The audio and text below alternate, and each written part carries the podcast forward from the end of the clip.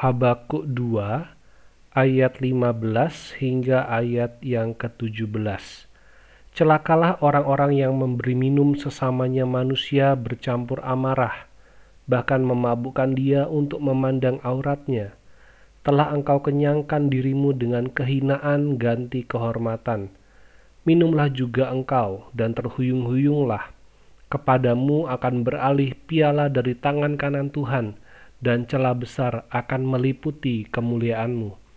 Sebab kekerasan terhadap gunung Libanon akan menutupi engkau, dan pemusnahan binatang-binatang akan mengejutkan engkau. Karena darah manusia yang tertumpah itu dan karena kekerasan terhadap negeri, kota, dan seluruh penduduknya itu.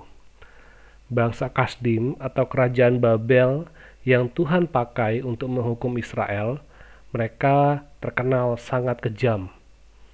Dan di dalam mereka menaklukkan bangsa-bangsa atau kerajaan-kerajaan, mereka selalu mengambil orang-orang terbaik dari bangsa-bangsa tersebut dan dilatih dipakai untuk bekerja bagi kerajaan Babel. Salah satu contoh yang terkenal adalah kisah Daniel, Sadrak, Mesa, dan Abednego.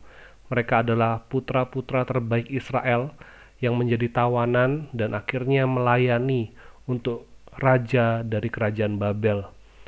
Orang-orang Babel menunjukkan kuasa mereka kepada orang Israel dengan memberikan orang Israel kehidupan. Mereka memberikan pekerjaan, mereka memberikan jabatan, dan banyak hal lain.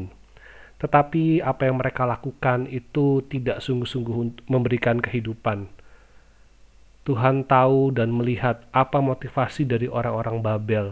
Mereka hanya memanfaatkan kepandaian atau kemampuan orang Israel. Tetapi Tuhan di dalam bagian ini menyatakan bahwa aku tidak akan tinggal diam bahwa cawan yang diberikan yang memabukkan itu akan dibalas oleh Tuhan dengan cawan penghukumannya bahwa dari tangan Tuhan sendiri orang Babel akan menerima cawan yaitu cawan penghukuman itu.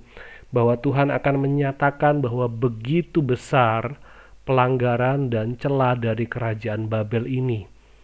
Dan segala ketakutan terhadap kerajaan Babel akan berubah. Kemuliaan mereka akan lenyap. Kemegahan mereka akan sirna. Dari bagian ini, Tuhan menyatakan kepada Habakuk, juga bangsa Israel pada saat itu, bahwa memang Tuhan akan menghukum mereka, menghukum orang Israel melalui kerajaan Babel, tetapi Tuhan tidak pernah tinggal diam.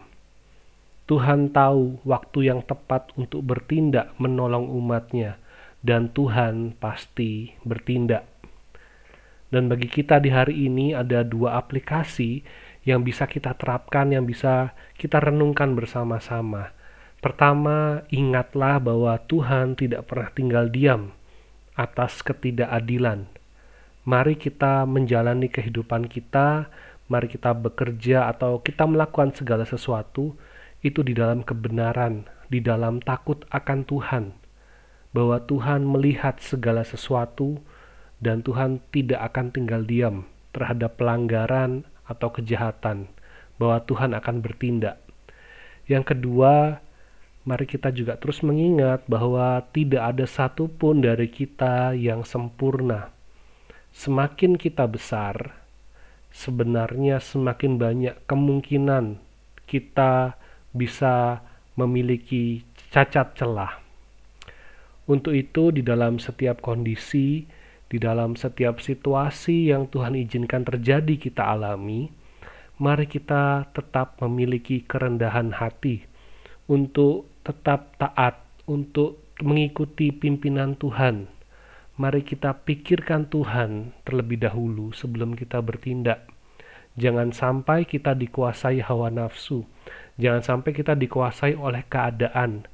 Tetapi biarlah hikmat Tuhan yang menguasai hidup kita kasih kita terhadap Tuhan itulah yang akan menggerakkan kita. Iman percaya kita kepada Tuhan itulah yang boleh memantapkan setiap keputusan dan langkah yang kita ambil.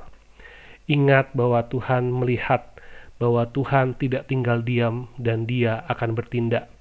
Selamat menjalani hari. Tuhan Yesus memberkati.